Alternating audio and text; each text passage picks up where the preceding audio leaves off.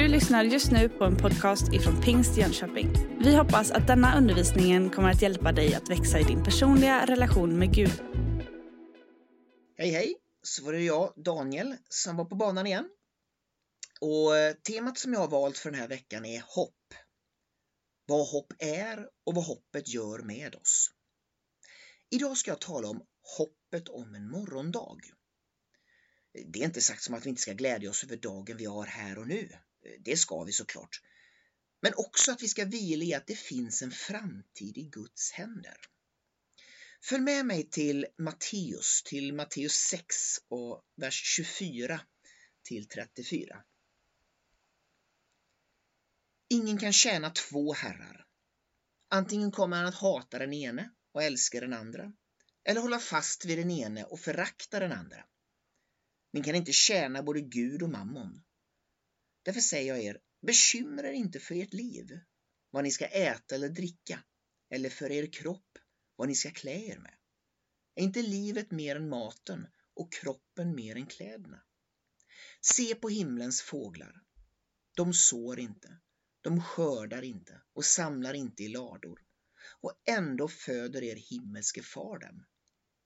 Är inte ni värda mycket mer än dem?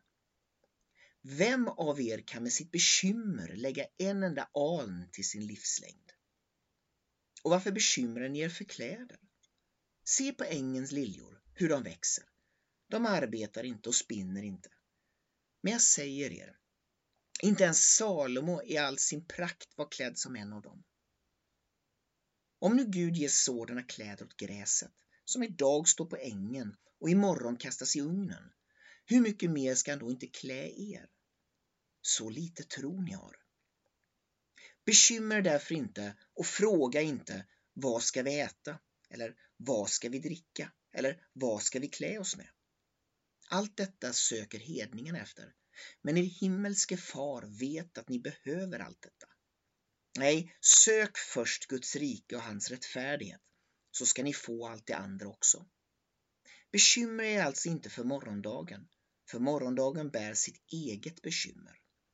Var dag har nog av sin egen plåga. Det här är en del av den så kallade bergsprikan och det är Jesus som, som prikar. Jag kan säga det nu också att jag, jag läser ur Svenska folkbibeln. Om det är någon som undrar. Och bergsprikan kan vi läsa om här och i Lukas evangeliet.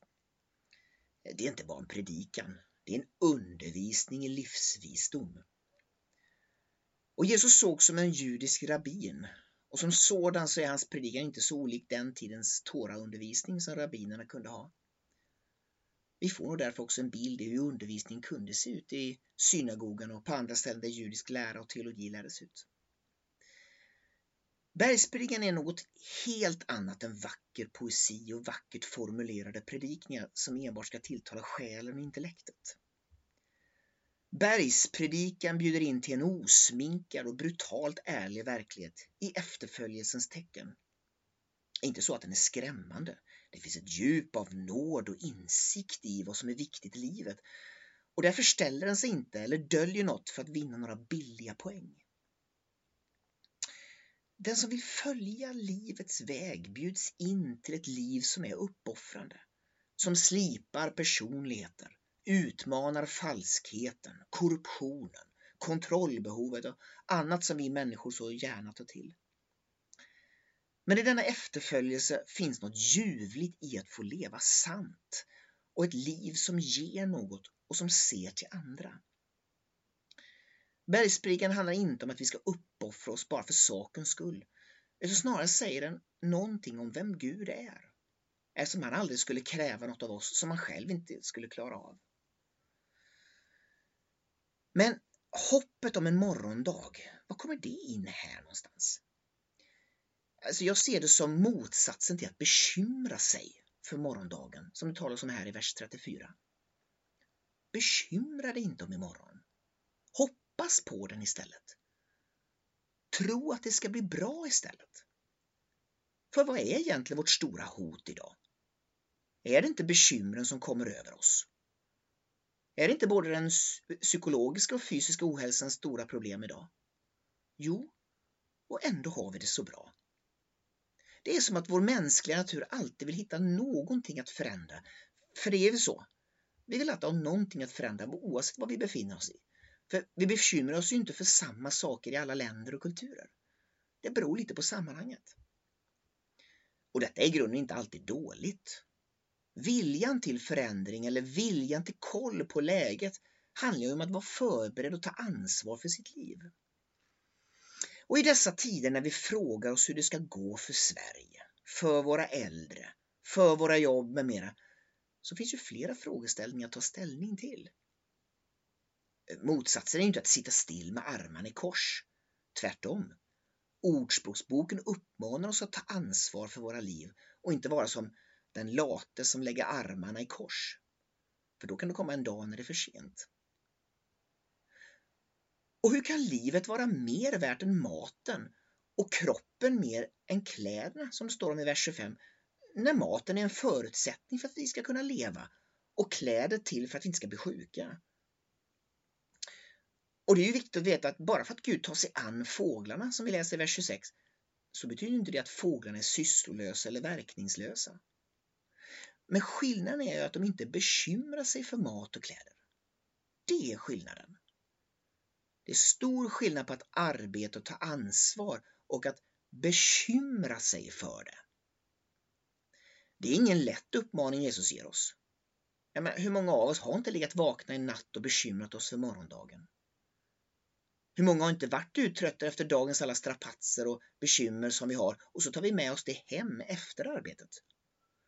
Och hur många av oss har inte känt ånger snarare vår egen prestation än faktiskt se och glädjas över det resultat vi faktiskt åstadkommit?